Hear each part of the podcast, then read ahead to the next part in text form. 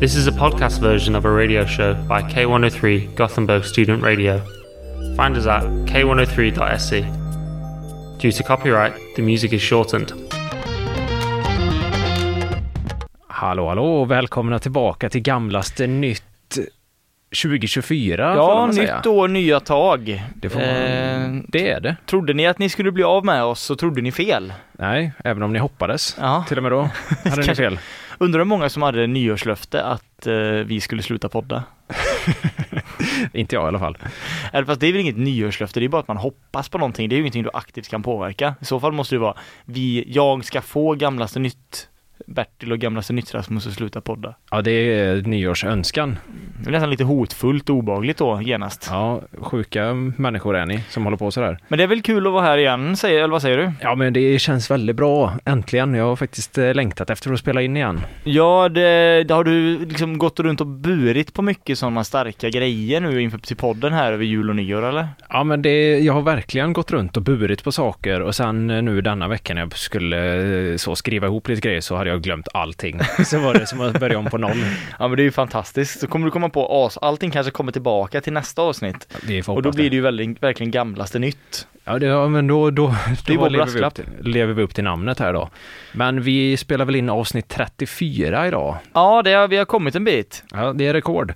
Så vi, vi får väl säga det, eh, liksom, det börjar ju bli tradition att vi säger saker, att när vi når en viss milstolpe så ska vi lova med någonting som vi sen inte håller. Ja, Så vi säger väl att när avsnitt 50 kommer i år blir det ju, så kommer vi göra något speciellt då. riktigt speciellt. Som vi sen inte håller då? Ja, hur, hur speciellt ska det vara?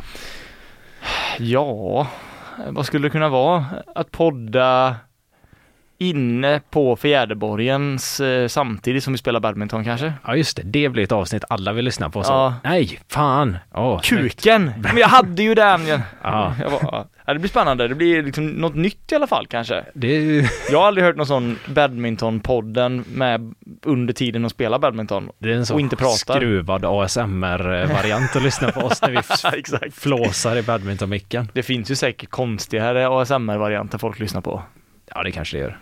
100% att det finns någon, så här, någon som sitter och täljer. Som någon, någon jävel vill lyssna på. Någon som sitter och fräser så är det jättejobbigt ljud. Någon har fått, vad heter den eh, sjukdomen? Man kan få sådana diafragmanfall, eller epilepsi. man Eh. Ja, kan just få det. Så att Epilepsipodden. ep- tio timmar eh, loop epilepsianfall inspelat ljudmässigt bara. Ja, det är eh, skönt att somna till. Underbart. Men vi får väl eh, berätta lite vad vi är för några, för de som inte vet det. Ja, just det. Nytt år, nytt intro. Ja. Eh, vi- ja, men eh, Bertil heter jag. Eh, Vi har ju kört den här podden rätt länge. Vi har väl kört samma koncept också och det är väl inget vi har planerat på att ändra. Nej, Eller? det tänker jag inte att vi ska. Eh, utan podden går väl ut på att vi lyfter de viktigaste sakerna som har hänt i samhället och sen pratar vi om dem. Precis. Eh, och vi bestämmer lite själva vad som är viktigt i samhället. Ibland är Pontus Rasmusson viktigast i samhället och ibland är det eh, bedårande barn. Och ibland är det Leif Mannerström. Och ganska ofta är det Pärleros. Pärleros tejpade mun ganska ofta. Speciellt, mer specifikt. Ja, Nej men eh, det är väl tanken då och det är inte sällan blir det ju populärkulturella grejer vi tar upp men samtidigt har vi ju konstaterat också att om, om, om populärkultur är vår definition av populärkultur så är ju allt populärkultur. Så att eh, jag vet inte hur mycket populärkultur det är men ni får väl helt enkelt fortsätta lyssna här då så kan ni själva bilda en uppfattning och, och slida in i vora DMs på Instagram att gamlaste nytt då. Vad ni, jajamän. får ni labla våran podd. Man får inte labla så mycket saker här i samhället längre. Urr. Men våran podd får ni labla hur mycket ni vill. Det ska ni göra. Det var intressant det att du, att du sa det att vi brukar prata om Pontus Rasmusson. Eh, För att han har ju gjort en, en grej igen här nu då. Det är eh, lite ovanligt nu. Vi sitter på andra sidan bordet. Jag brukar ju lyfta han. Vad är det som har hänt? jag har helt missat Nej detta. men eh, de som har lyssnat på vår podd länge vet ju det att Bertil har noga och väl skulle jag säga följt den här karismatiske kufen runt, Ja, runt på upptåg. ja, Även den karismatiske kufens mor. ja. Allt annat än psykiskt friska mor får man väl ändå tillägga då. ja den okarismatiska QF. Ja, exakt.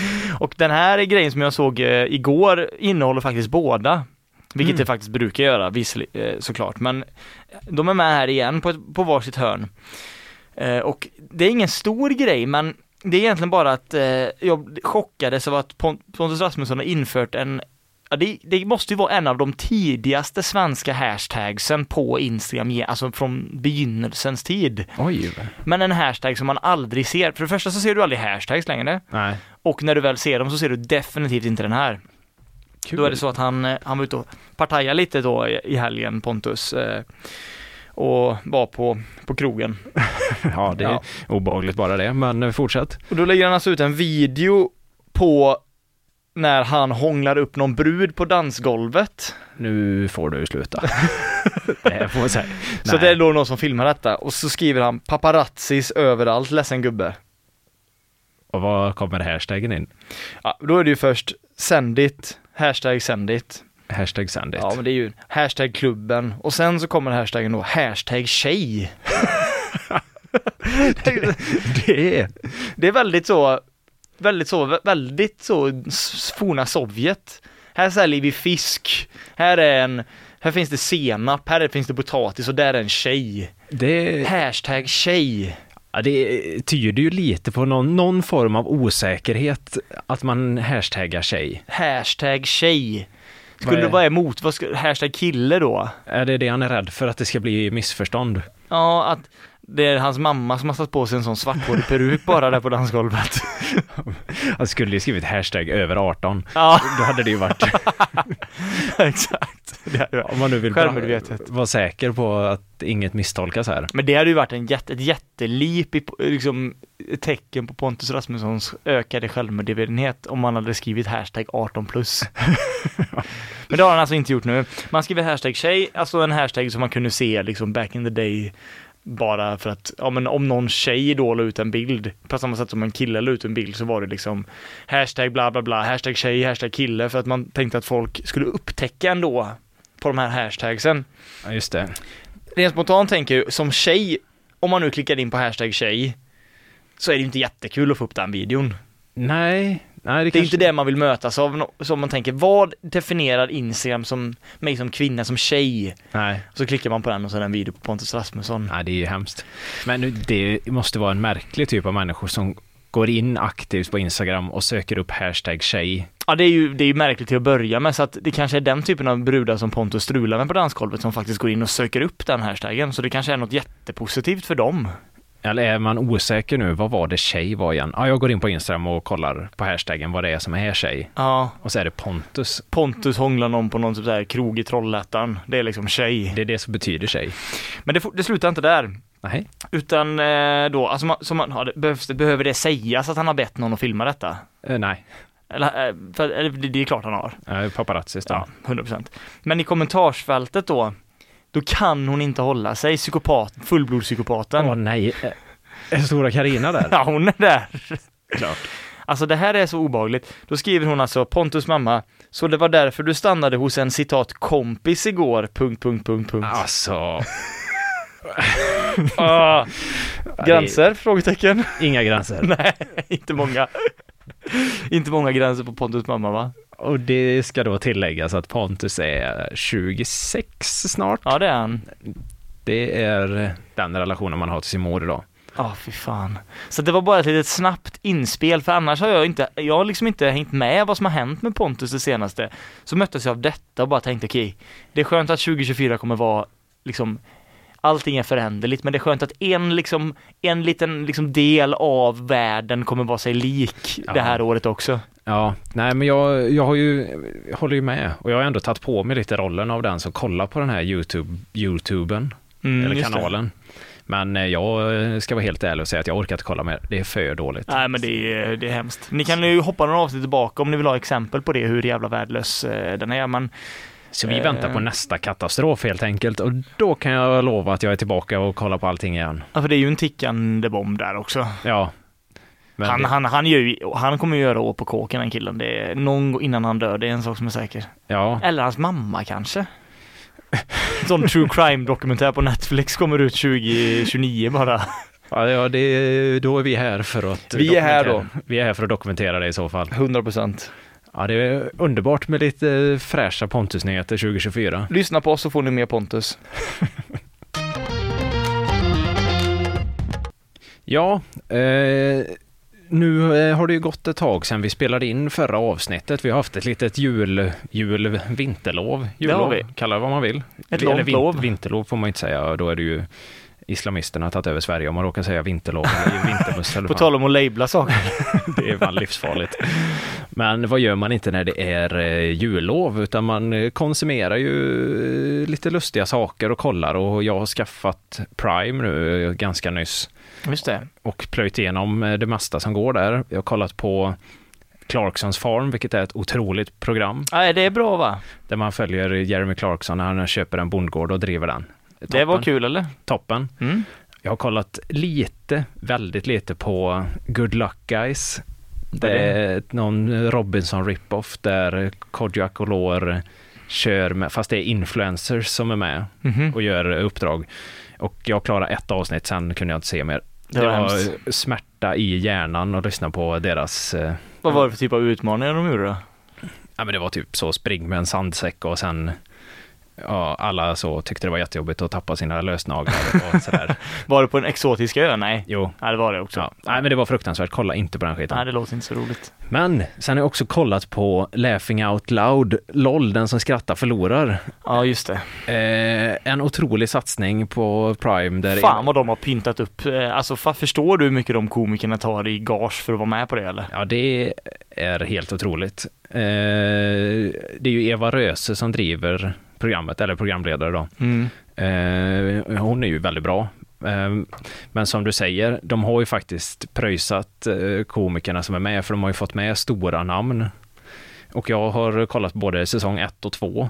Eh, första säsongen var ju Robert Gustafsson med som var lite så, det kanske man inte hade förväntat sig. Nej, han... Alltså, på ett sätt så känns han inte som en sellout, men på ett sätt tycker jag typ lite att han gör det. Han känns lite, nej, han känns lite snål. Snål ja. Så att om någon ger han en check, säger så här, du, du, du river av, vi river av det här på två veckor, eller en vecka Ja. snarare. Du behöver inte förbereda dig överhuvudtaget, för det är liksom det konceptet är. ja. Kom hit fem, fem dagar, spela in det här och så får du två miljoner. Ja, Det säger han inte han nej till. nej, vem gör det dock? Nej. Uppenbarligen ingen. nej, nej, nej. nej, men eh, jag kan ju spoila då för er som inte har kollat. Robert Gustafsson vinner ju första säsongen. Har, man, har det en tävling också? Ja, det är ju de, ja, det kanske vi kan berätta för de som lyssnar och inte har sett, ja.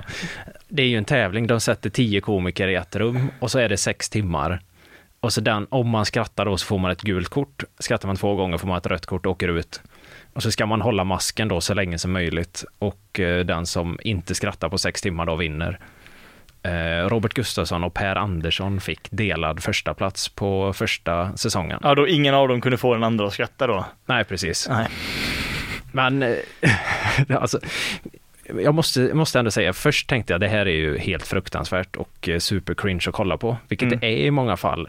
Men det är också ganska underhållande. Okej. Det, det fångade mig till slut. Det tog sin lilla tid, men till slut håvade in dig. Ja, och framför allt säsong ett har ju någonting just med Robert Gustafsson. För att han var så jävla missunnsam och eh, han såg verkligen ner på de andra deltagarna i sina synkar. Gjorde han det? Och det gjorde nästan hela programmet. Vadå, vadå alltså han var typ douchig, alltså eller vadå? Ja men du vet, alla så här försöker ju skoja, ta på sig roliga masker och Ja.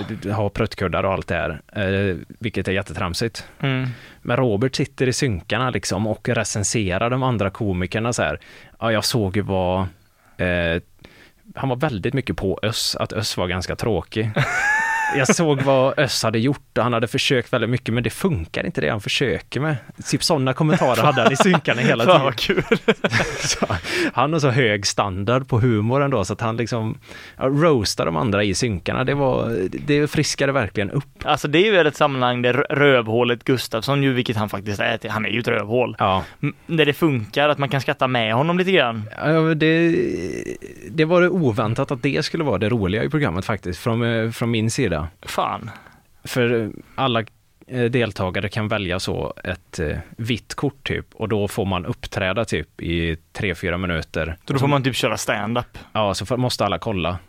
Och så gjorde Ö- Ös sin grej där och han klädde ut sig till en hästhoppare och hoppade runt med käpphäst, vilket var ganska tråkigt. Med sitt vita kort. Ja, han Det- valde det ändå av allting. Det känns jättedåligt. Ja, Och eh, Robert var så, det här är väldigt innehållslöst och... eh, Ja.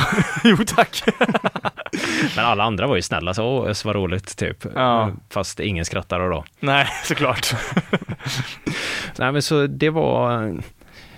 Det hade ändå något, jag får ändå rekommendera och kolla på eh, den som skrattar förlorar. Men hur, vilka var sämst i första säsongen? Var det Ös? Ja, men Öss klarade sig väldigt länge och sådär, men de som inte är jätteroliga som var med, det var ju hon Louise Nordahl, om du vet, hon som eh, imiterar mycket. Ja, jag vet inte vem det är faktiskt. Clara Henry var med, Ja, ja. jätte, jättetråkig. Ja, jo. Vanna Rosenberg, inte heller rolig. Eh, sen Per Andersson var ju rolig, men han hade ju mest det här clowniga och Ja. hoppa runt och förstöra bord och grejer. Ja, ja, ja, ja. Eh, men sen säsong två, då tog, togs det till en ny nivå, för då var Anis Don Demina med. Och det Åh. måste varit speciellt. det, det var smärtsamt att se Anis försöka vara rolig mot andra komiker. Anis och Dorsin känns som inte en helylle kombo ändå, för han var väl med också andra Jajamän. Eh, det var ju liksom personer som faktiskt var roliga där. Henrik Dorsin, Johan Ulveson och Petra Mede och Mm. sådär. Och så kommer Anis där och tar på sig typ en grismask och går runt och försöker skrämma folk. Och det blir, Nej så, men vad fan. det blir så pajigt så att så det var ju bara värt bara för att kolla på hur tråkig han var. när Alltså det han var som försökte en vara rolig. cringe-nivå som ändå var underhållande för att han var så värdelös. Ja, verkligen. Och han liksom drog sitt vita kort och gjorde en så rap på ord som de sa. Det var, det var ju lite imponerande, men det var absolut inte roligt. Alltså det var lite, ja exakt, det var, åh du kan rappa. På beställning, kul. Och de andra tyckte ju nästan synd om honom och så. Åh, Anis, vad var det grymt. Det var roligt. Ja, nej, vad fan. Åkte han ut tidigt eller? Han åkte ut ganska tidigt. Ja, Eh, Det var ingen som skrattade åt han riktigt. nej. det förstår jag. Ja, nej, så det är väl eh, last one laughing. Ja men fasen alltså, alltså att, att han skulle vara så tråkig, det, hade- det var väl ingen, ingen chock egentligen. Men jag trodde inte att, att programmet i sig skulle hålla. Men det är, väl, det är väl en sån klassisk grej det där att man ser en, en, en ihopklippt teaser för en sån, den typen av program. Där de ska försöka få in, maximera antalet knasigheter Ja, på en kort tid. Och så vill de slå brett, så då lägger de in Anisk med en grismask i 10 sekunder. ja, Och en annan då, det, är ju, det tilltalar ju inte mig, men det kanske andra tycker det är kul. Och då blir det så direkt att man bo- får beröringsskräck. Man bara, det där kommer jag inte ägna en sekund åt. Nej, men, men lite så. Och jag tror man, man ska ju tolka programmet rätt. Alltså man kan ju inte kolla på det här och förvänta att det som görs där inne är roligt. Nej, för utan, de, det... det, är ju svårt. Det är ju jätte, jättesvårt. ja, utan det är ju en tävling. Alltså hur kan man få andra att skratta? Och om man kollar på det mer ur det synvinkeln så tycker jag ändå att det hade något. Är det många som man ser som hjärtligt typ tappade och börjar garva, alltså, alltså så här att de inte kan hålla sig? Eller blir det väldigt- typ att många så här blir, bara blir trötta till slut och bara börjar garva lite för att åka ut, de pallar inte längre typ? Nej, men det är, folk gör ändå sitt bästa. Och man, de åker ut på att de gör ett leende typ när de kollar bort. Och sådär. Ja, man får inte le heller. Nej, Nej, så eh, inte så många som bröt ihop eh, på riktigt. Nej. Ja, men spännande. Det är en rekommendation till våra lyssnare då kan vi väl säga va? Även om ni nu vet då hur säsong 1 slutar, men säsong 2 har vi inte avslöjat. Det har jag inte sagt, nej. Och det är ju inte riktigt därför man kollar på det heller tänker jag. Nej, verkligen inte. Nej. Nej, men det är ändå tips alltså. Tips om eh, Laugh Out Loud. Ja. Prime även Video. La- Last one laughing tror Last jag. one laughing. Skitsamma. Ja, men eh, jag vet inte, vi, vi har ju berört det här lite vagt. Men en annan, en annan profil som diskuterades framförallt i, tidigt i podden är ju Olof K Gustafsson. Just det. Har du hängt med något i hans liv det senaste? Ja, det har varit svårt att inte göra det. Men jag, jag, nej, inte jättemycket, men jag vet ju vad som har hänt. Du vet den stora nyheten. Ja, För de som inte känner till den här eh, profilen då, Olof K, så är det en eh, ja, men en fifflare kan man väl säga är väl ett ganska bra epitet på honom. ja det är väl årets underdrift. Men, Ja, eller men en fifflare. kriminell fifflare. ja, En grovt kriminell fifflare får man väl ändå säga. ja, Även om han inte, han har väl blivit dömd för tidigare tror jag, men ja, det började väl så att han var ett självutnämnt underbarn eh, som gjorde gymnas läste in gymnasiet på, på tre år enligt egen, egen utsago då får sägas. Fick rättigheterna till sim, någon, någon, någon typ av Simpsons-serietidning ja, som han då importerade från USA och sålde i Sverige och tydligen då tjänade in en mille på. ja, Det är imponerande för en 15-åring. det är jättebra. Absolut. Sen så gick det lite åt helvete för Olof då, han har ty- tydligen ett trasigt familjehem. Det är inget att skämta om, det är bara hemskt. Kan Men- hända den bästa. Men han flyttar då till USA och börjar bluffa folk. Ja. Höger och vänster. Gamla framförallt och på att sälja liksom bostäder och fastigheter som inte ens fanns som jag förstod det på. Och Lån, nej dyra lån var det väl han gjorde tror jag. Ja, typ. sådana lån med extrema räntor. Typ. Ja. Som han tjänade lite pengar på och sen så till slut blev han någon sorts företrädare för Pablo Escobars dödsbo då, hans varumärke. Ja. Eh, allegedly. ja, det är så det verkar ja. Ja. Och han har ju från ingenstans då efter han, han var med i medierna lite grann då i samband med den här Simpson-grejen. Han var ung och sen har han inte varit med någonting och sen bara från ingenstans så började han vara med i lite YouTube-videor och synas, försöka synas och höras massa på nätet. Ja. Sen så kom det en dokumentär som vi pratade om, en SVT-dokumentär om hans liv då, Mm, mm, som var stark på många sätt. mm. Mycket stark. Eh, och ja, så att det är liksom en, eh, en profil eh, i sann gamlaste nyttanda då. Men han är ju då gripen. Nyligen gripen. Ja, det är, det är ju en bra uppföljning till det vi har pratat om hittills, att han äntligen är gripen. Jag trodde typ inte att det skulle hända. På ett sätt är det ju självskrivet, men i- de, för de som inte har sett dokumentären då så är det ju spoiler alert att han i slutet så går han runt i Enskede där han bodde som barn och så har han och hans Svetlana, hans fru och deras dotter flyttat till en trea där då. Ja, Eh, Och det, vi- det liksom finns så bra scener där, bland annat en scen när han sitter i den här lägenheten. Alltså det är ingen ful lägenhet. verkligen Men det är inte. absolut inte en lägenhet i paritet med det livet han säger sig leva. Nej. Samtidigt då som han har någon sån, något kuvert med massa sedlar i som han sitter och håller på med vid ett väldigt lågt soffbord som inte ser ut att kosta som en ny Ferrari liksom. Nej, nej. Så det finns någon kontrast där hela tiden som är så spännande. Men han är gripen nu. Känner du till varför han är gripen? Ja, men visst var det att han hade sålt eh, fall, förfalskade Picasso-målningar, va? Ja, alltså det verkar som att det började så. För våran Olof, han är liksom inte bara liksom ett intressant föremål för brottsförebyggande verksamheter och brottsstoppande verksamheter i en nation, utan det verkar som att det är tre länder åtminstone som, han, som har honom under luppen. Ah, Jag läste en artikel, SvD, SvD Näringsliv skriver en del eh, den här typen av grejer. Och om honom, de hade också någon längre grej om honom tidigare tror jag. När han flytt, i samband med att han då flyttade till Spanien, till Marbella med sin familj. ja, ja, ja. Nej, men då är det så i alla fall att han, han greps i Spanien då, i Marbella. Mm, mm. Han misstänks för bland annat grov penningtvättsbrott, bedrägeri och konstsmuggling. Mm.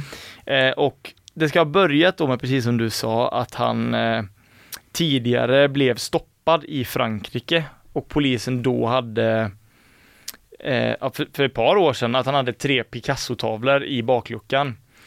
Sen vet man ju inte om det var äkta Picasso-tavlor då, Ah, men det var ju därför de började utreda honom. just det. Men eh, hans advokat hävdade ju att det inte, kanske, inte ens var äkta tavlor.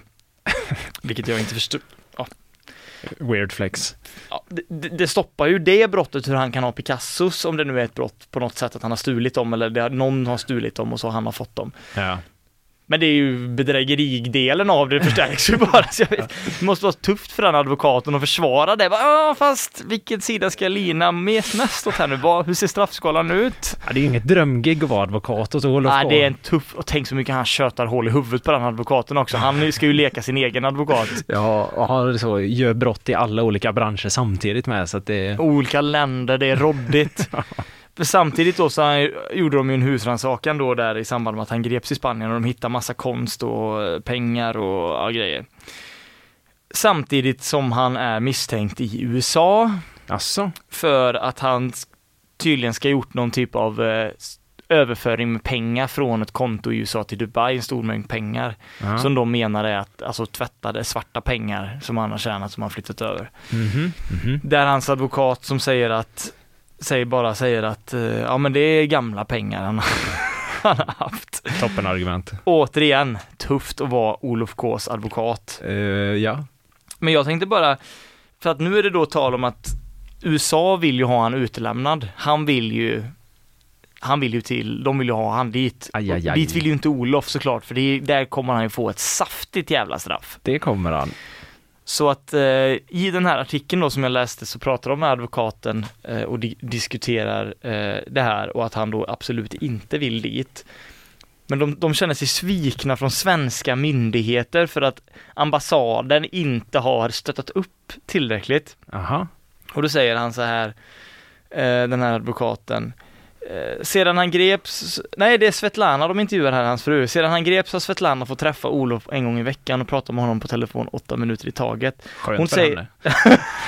Det kanske är värd, tänk hon kanske har varit sånt, typ fången o- o- hos Olof där. Det kanske är drömmen. Det, det kan nog vara så ja. Hon säger att hon har varit i kontakt med det svenska konsulatet i Marbella men inte fått den hjälp hon velat. De svarade direkt och sa att de skulle komma och hjälpa oss nästa dag. Konsulatet var här men de verkar inte som att de kommer hjälpa Olof. Nej. Då tänker jag bara, min fråga till dig. Om du jobbade på konsulatet i Marbella, det svenska konsulatet. Ja. Du kommer in, ja men varit ledig, haft en god helg ändå liksom. Kanske fiskat lite, tagit några bärs. ja. Kommer ny, ny energi, sovit bra.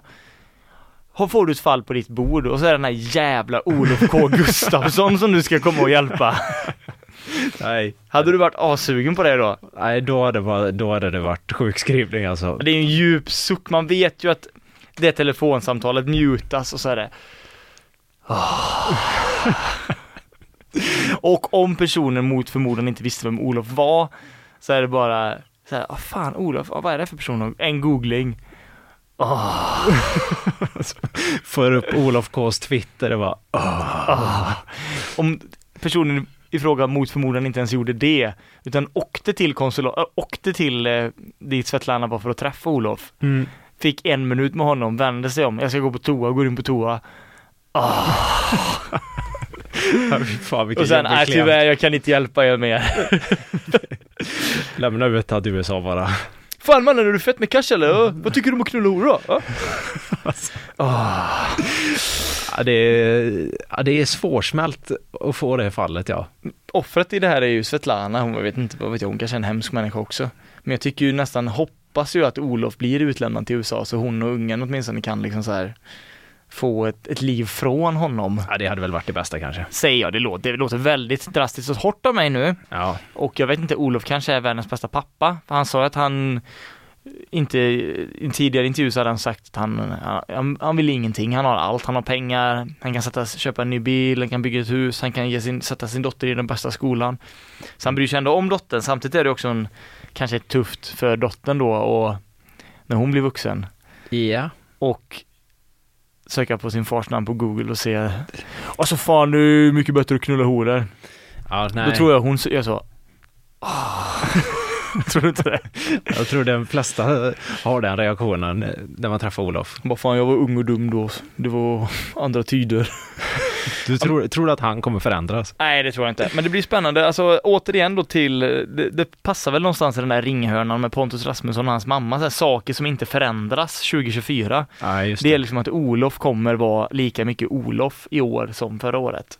Ja, men det blir ju spännande. Han, han bör ju åka in på något sätt eller någonstans. Jag har svårt att se hur han skulle kunna komma ut det här liksom ostraffad.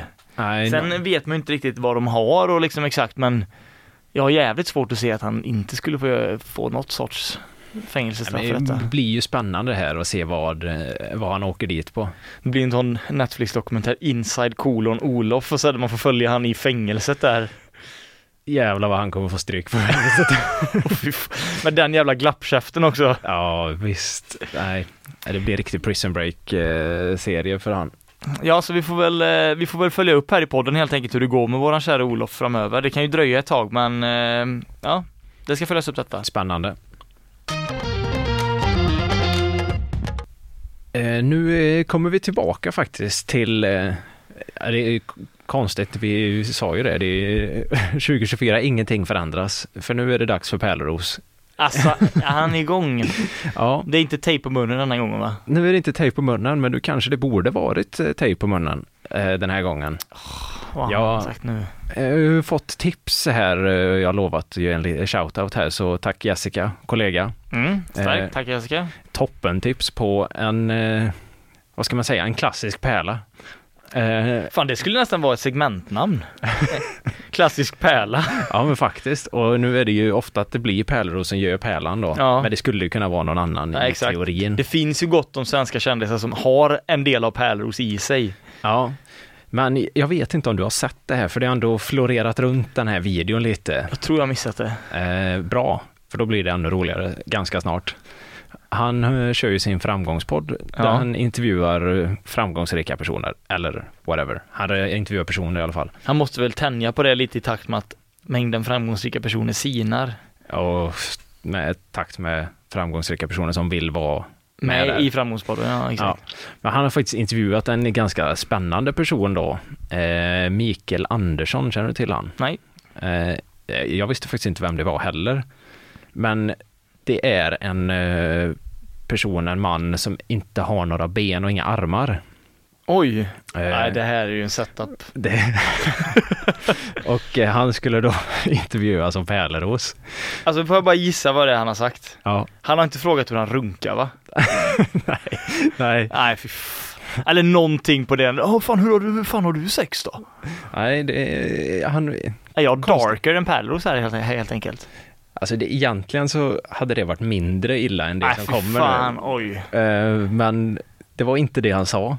Men jag tänker, jag, jag spelar upp eh, Åh herregud. det som Pärleros eh, inleder intervjun med helt enkelt. Okej. Eh, det kommer här. Du föddes utan armar och utan ben. Ja. Alltså, vilken nitlott! Ja, det var precis det jag tänkte också när när jag Alltså, började kunna reflektera. Ge mig en arm. Ge mig, ge mig två ben. Men vem bestämde att jag skulle plocka bort både armarna och benen? Exakt. Vad i helvete. ja men vad fan. Alltså, kan man vara mer okänslig? Vad fan gör han? Han är ju bjussig som helst, han bara "Ja, precis så kände jag också. Vilken nitlott! En arm, två armar, vem, två ben! Vem bestämde att jag skulle plocka bort, sa han jag skulle, vi får nästan lyssna på det en gång till. Ja, men vi får väl göra det. Jag vet inte om ljudet är. Hörde du det bra? Ja, lite lågt, men eh, Vi får se om det... Eh. jag tror att lyssnarna hör det bra. Jag tror bara att det är mi- våra lurar som är lite knackas idag. Ja, men vi, vi kör en gång till. En gång till. Du föddes utan armar och utan ben. Ja. Ja. Alltså, vilken nitlott! Ja, det Garvar när var han precis det säger jag tänkte också. också när när jag Alltså, började kunna Ge reflektera. mig en arm. Ge mig, ge mig två ben. Men vem bestämde att jag skulle plocka bort både armarna Vem- och benen? Vad är det för roll han går in i där? Ge mig en arm, ge mig ett ben, då är det liksom att han pratar som om han var han. Men vem bestämde att jag skulle plocka bort båda armarna och benen? Tror han att liksom, vem är detta jaget? Han, han, vilken karaktär är det han går in i där? Jag vet inte. Eller tror han att han har plockat bort det själv liksom på, liksom, på skötbordet på något vis? Att han så här föds och så när han tar sig ur vulvan så bara grr, rycker han av sig armarna och benen eller vad?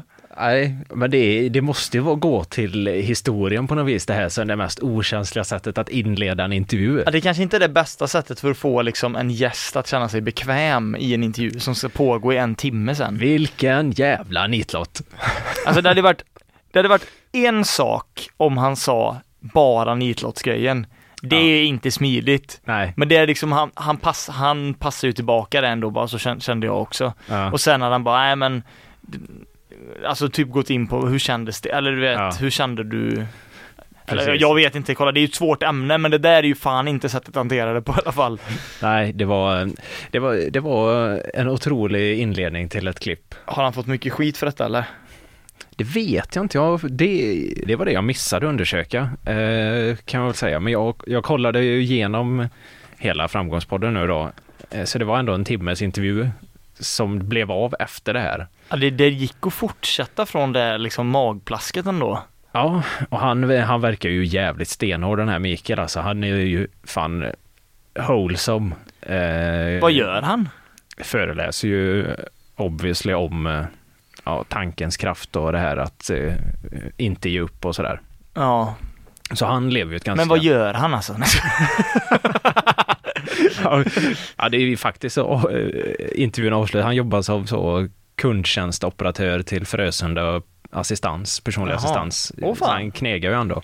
Det är ändå rätt jobbigt att födas med det också, så, eh, när han går på syokonsulenten när han är 15 och så säger de så. Föreläsare va?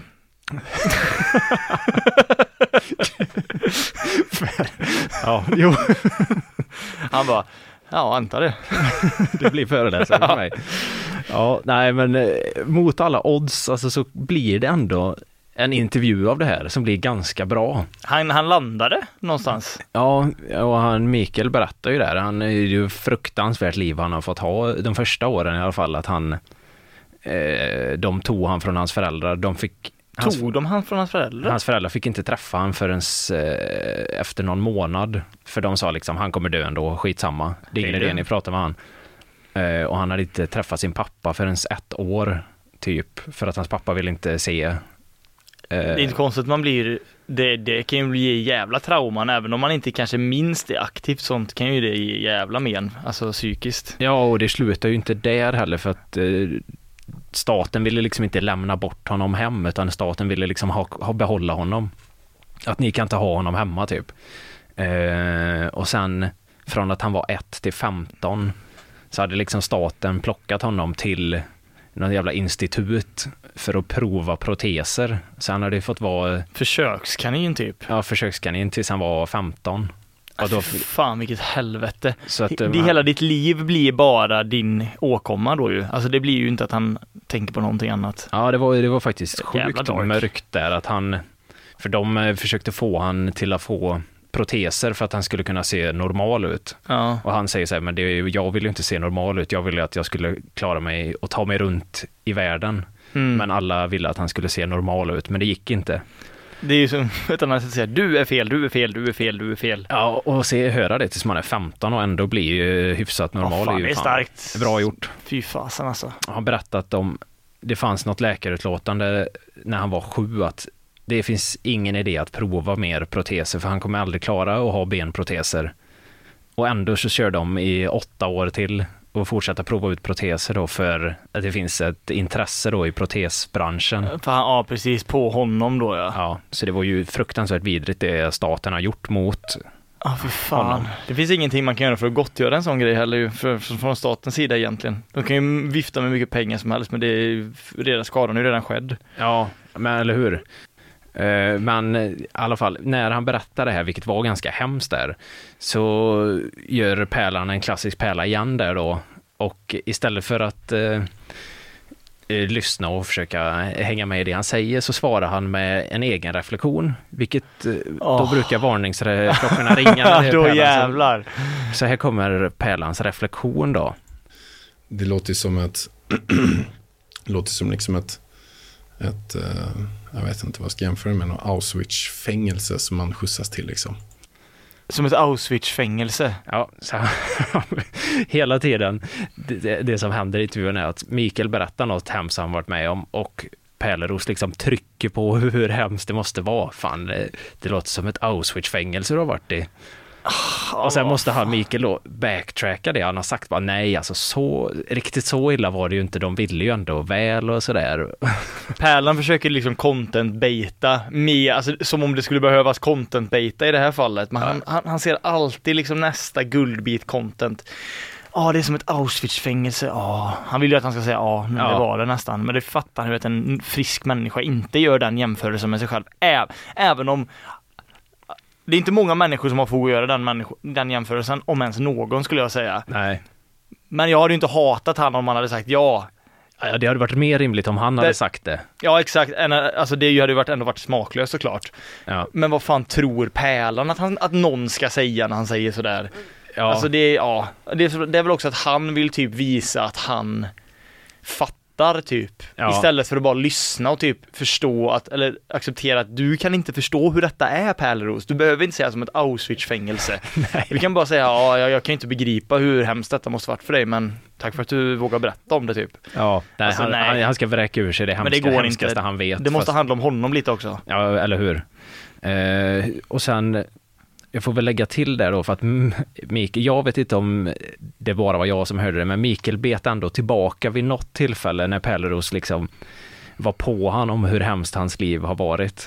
att eh, alltså Pärleros var på det, här måste varit fruktansvärt, bla bla bla, det måste påverka dig så mycket. Och Men det är sådär. väl det han psykiskt har bearbetat alla år. Hela hans uppväxt har någon sagt att han är fel, att han är liksom abnormal och liksom fel. Ja, Och så berättar han då liksom att han har tagit sig ur det här någonstans och bär det med sig och att han har blivit, alltså han har ju byggt upp en jävla inre styrka. Ja. Och då har någon som gör exakt samma som myndigheten gjorde på honom. Man säger att ja det, ja, det måste varit så hemskt, åh vilket, alltså gör, gör han till ett offer. För jag kan ju Ja. tänka mig att han vill väl känna sig som allt annat än ett offer, för det är ju det han har känt sig som hela livet. ja exakt. Så han exakt. måste ju, han var säkert mer irriterad på pärlrosen än vad han visar kanske. Jag tror det, men för han näm- sa ju det tillbaka när Pärleros började trycka så. Han var, men du växte väl upp utan en pappa som lämnade dig när du var två? Det måste väl också satt lite spår? Och Pärleros bara, "Eh, ja, ja, ja, Det blir ja. jättekänsligt jobbigt helt plötsligt. För jag hade i alla fall min pappa med mig hela mitt liv. Ja.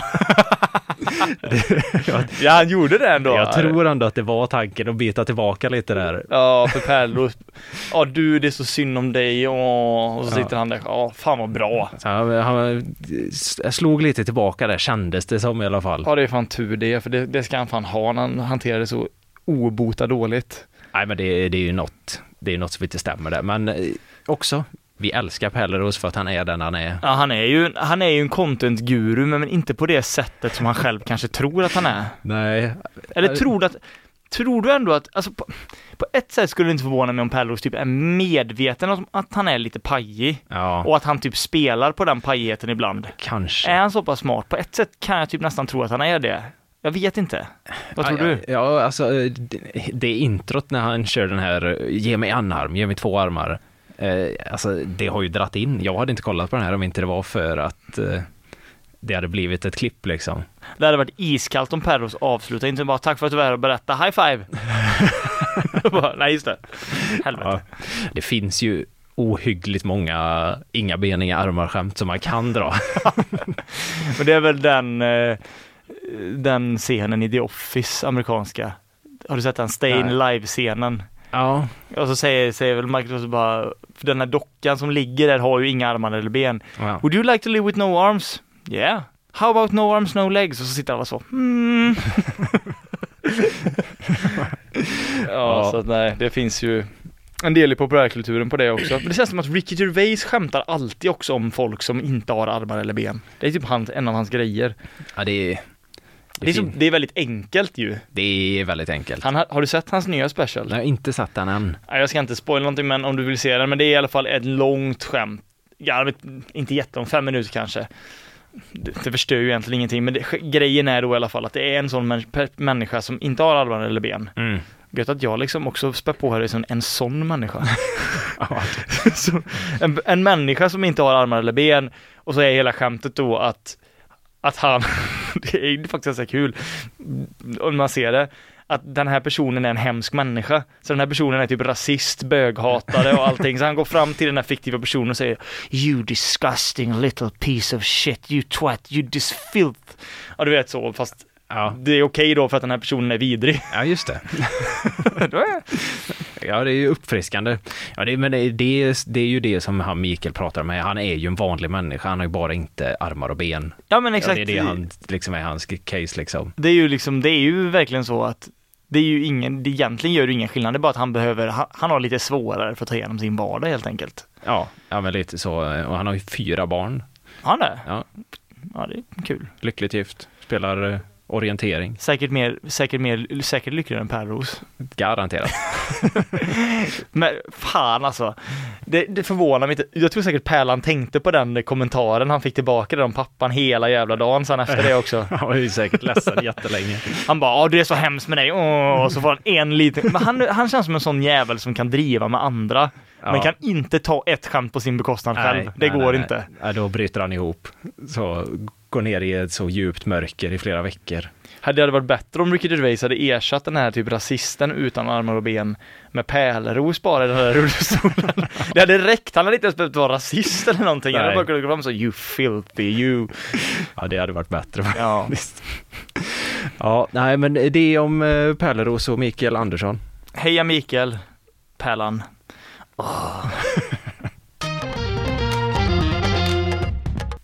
Ja men eh, det har ju fortsatt, alltså Demongate Om jag säger demongate, vad säger, vad säger det dig? Det säger mig eh, Gunilla Persson. Ja.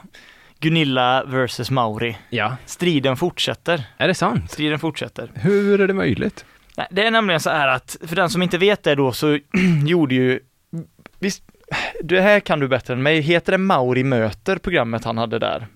Nej, vad hände sen hette det? Vad hände sen ja, Mauri vad hände sen? Det är alltså då att han träffar kända f- personer, för detta kända personer för att ta reda på exakt vad som hände med dem efter de försvann ur- Ja, men eller? folk som är, har blivit virala, typ På han, nätet. eh, han som eh, tog svininfluensavaccinet så, eh, ah, chilla, och så träffar han han tio år senare. Ja, Ja men det är ju en kul koncept. Då var Gunilla med där, just det. ett avsnitt, där hon i efterhand då gick ut och var helt galen eh, på att han hade betett sig respektlöst på ma- hennes mammas begravning och att han hade varit, ja, hon tyckte inte om honom helt enkelt. Nej. Men eh, när man såg det själv så framstod det inte alls på det sättet som att han hade varit respektlös. Men det tyckte Gunilla i alla fall. Och sen i kommentarsfältet för en gångs skull, hennes kommentarsfält brukar vara ganska fullt av pårop och liksom glada, positiva, upplyftande kommentarer. Men i det här fallet så, eftersom att Mauri är så folkkär så fick hon liksom till och med sin egna följarskara emot sig. Ja, kul. Och där var det då, ja nu minns jag inte ordagrant hur det var, men hon svarade på vissa typer av väldigt sakliga, lugna, respektfulla kommentarer, typ att hon gick för långt och att de har sett inslaget och att hon kanske ska tänka ett varv till och att det inte är upplevdes som så farligt. Då, Ja. då svarar hon bara liksom, du är en demon som borde, Ja. du måste helas, alltså hon var helt galen. Jätteroligt.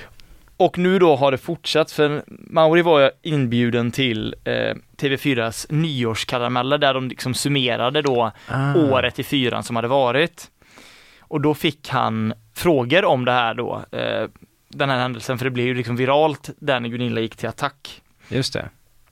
Eh, och i programmet då så säger Tilde Paula som var programledare, hon säger så här, ja du har träffat Gunilla och det blev inte bra alls, utan du förgiftade henne och sen blev det dålig stämning. Skämtsamt då.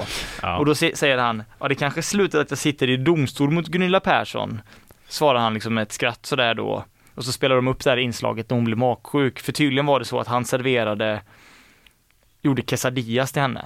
Och så var det något fel på typ kycklingen eller någonting så hon blev typ, Ja, jag, tror, Matfiften. jag, tror, gre- jag kollade på det ja, inslaget och han hade ju sökt upp den sämsta restaurangen, eller den restaurangen med sämst betyg i hela området och tog henne dit. jaha, Och sen blev eh, hon matförgiftad på det stället då. det är lite svinigt av Mauri ändå. lite. Bra content dock. Ja, kul. Men det är lite svinigt, men ja. Och sen så sa han, en applåd för att jag förgiftade Gunilla Persson. kul. Ja, också kul. Fan, han, han, pushade. Han, ja, han, bait, han baitar ju lite Ja. här. Och det fick ju Gunilla att gå helt jävla vansinnig, så nu ska hon ju stämma honom och anmäla honom för misshandel och hans, hennes advokat säger om han tycker det är kul att skämta om någons sjukdomstillstånd inför hela svenska folket då har både produktionsbolagen TV4 och Mauri något att fundera över. Att sitta och applådera för att man skulle ha förgiftat en person tycker jag är under all kritik. Och då vill de att de har skickat en skrivelse till Mauri som de tycker att han ska, han ska svara på ett visst sätt då för att de ska undvika eh, att stämma honom och det är Ja. väl antagligen då att han ska be om ursäkt eller någonting. Ja, ja. Eh, Men det roligaste i den här härvan, det är ju i sig tyckte jag pigga upp och var lite kul. Men det roligaste är ju ändå Gunillas egen take, alltså hon är ju unhinged. Man behöver ju inte ha ett sånt typ eh, varnings... Eh, filter, alltså man borde ju ha ett varningsfilter på hennes inlägg, du vet när det sprids bilder från krig och sånt på Instagram. Att man måste klicka för att läsa, för att jag blev helt chockad när jag gick, sen gick in och såg vad hon hade skrivit. Vad har hon skrivit då? Hon skriver så här. Jag hoppas i Absolut inte i affekt säkert. Jag hoppas att ni alla kära vänner fått en bra början på det nya året. Någon som inte får en bra början är Mauri som på TV4 Nyhetskaramellerna sitter och hånar mig och erkänner att han avsiktligen förgiftat mig och därigenom begått brott. Mina advokater Marka Safran och Johan Kapp från bla bla bla kommer inom kort åtala Mauri för brott. Än så länge är det ganska typ sakligt ändå, men ändå Ja, lite så här. Det är, ja. Och nu, nu börjar det balla. Man kan verkligen dö av matförgiftning och så sjuk som jag blev trodde jag verkligen att jag skulle dö. Att jag utsattes för ett caps lock mordförsök var ju helt klart. Så hon tror alltså hon har blivit, försökt- att han försökt mörda henne i Ja. tv. ja, det är ju starkt i och med att de var åt samma mat på samma restaurang tillsammans Ah. liksom. Ja, han åt det med. Ja, ja. Jaha, okej, då är det ju inte... Då är det inte lika illa som jag tror, eller så här, inte, det hade inte varit illa heller, men då hade det ändå varit lite så skratta åt dig-tv. Nej, nej, de, det var ju en grej att de skulle käka på sämsta restaurangen. I LA då typ Ja. på något vis och så och han åt också. Ja, Ja, ja, ja. Men hon hade lite sämre mage antagligen. Ja, antagligen. Men, de pratar ju till och med, han pratar ju till och med med Gunilla i det inslaget om att hon har överreagerade när det var ju någon som kastade ett glas mot henne. Mm. Där hon anklagade den andra Hollywoodfrun för mordförsök. Och så Aha. skojade han ju med henne då att du överdrev här lite va. Men hon köpte ju inte det alls bara. Nej men hon försökte ju döda mig. Och sen, Ja. det är ju kul, det är ju meta nu. När hon i samma inslag anklagar han för samma sak som han pratade med henne om. Ja, ja, fasen. Alltså nej, så att jag, jag är mer och mer inne på det spåret i alla fall att Gunilla borde ha en sån, är du, s- det är känsligt innehåll, är du säker på att du vill klicka på detta? på alla sociala medier egentligen, för att det här, det börjar ju balla. Men jag är samtidigt också taggad på, dels att följa detta, men dels att följa, mycket av det vi pratat om idag känns som att det liksom går att följa upp, det kommer, man vet, det kommer hända mer. Det är Ja, inte sista ja. ordet, det är inte sagt i den här såpan va? Nej men det, fan nu 2024 kanske blir content-året alltså, det bara fortsätter. Ja, det, Tv-serier kommer ingenting och filmer på grund av den här writerstrejken som var. Det ser inte bra ut på spelfronten. Kanske kommer det bra böcker. Men content inom populärkulturen, där har vi liksom, det kanske är kon- det rena contentet så i år bara, helt Ja, enkelt. Fan, följetong blir. Ja, men fan.